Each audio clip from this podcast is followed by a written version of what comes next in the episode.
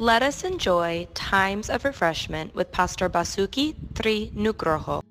Shalom, Roma 5 ayat 5, dan pengharapan tidak mengecewakan, karena kasih Allah telah dicurahkan di dalam hati kita oleh roh kudus yang telah dikaruniakan kepada kita.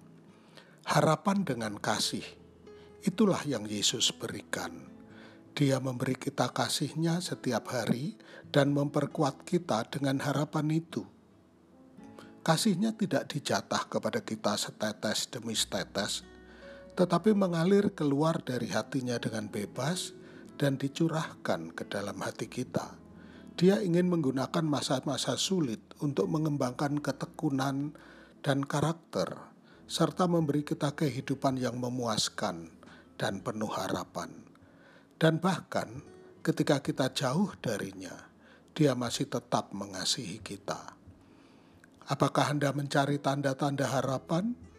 Tuhan memberikan pengharapan dengan kasih melalui mengundang kita untuk bertumbuh dalam hubungan dengannya. Harapan kita untuk kehidupan yang memuaskan bersandar pada kasihnya yang tak pernah gagal. Yang diperlukan adalah percaya kepadanya, terus tinggal di dalam Dia, mengalami setiap langkah hidup dalam bimbingannya.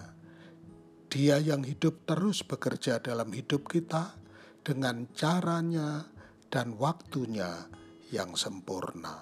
Tuhan memberkati.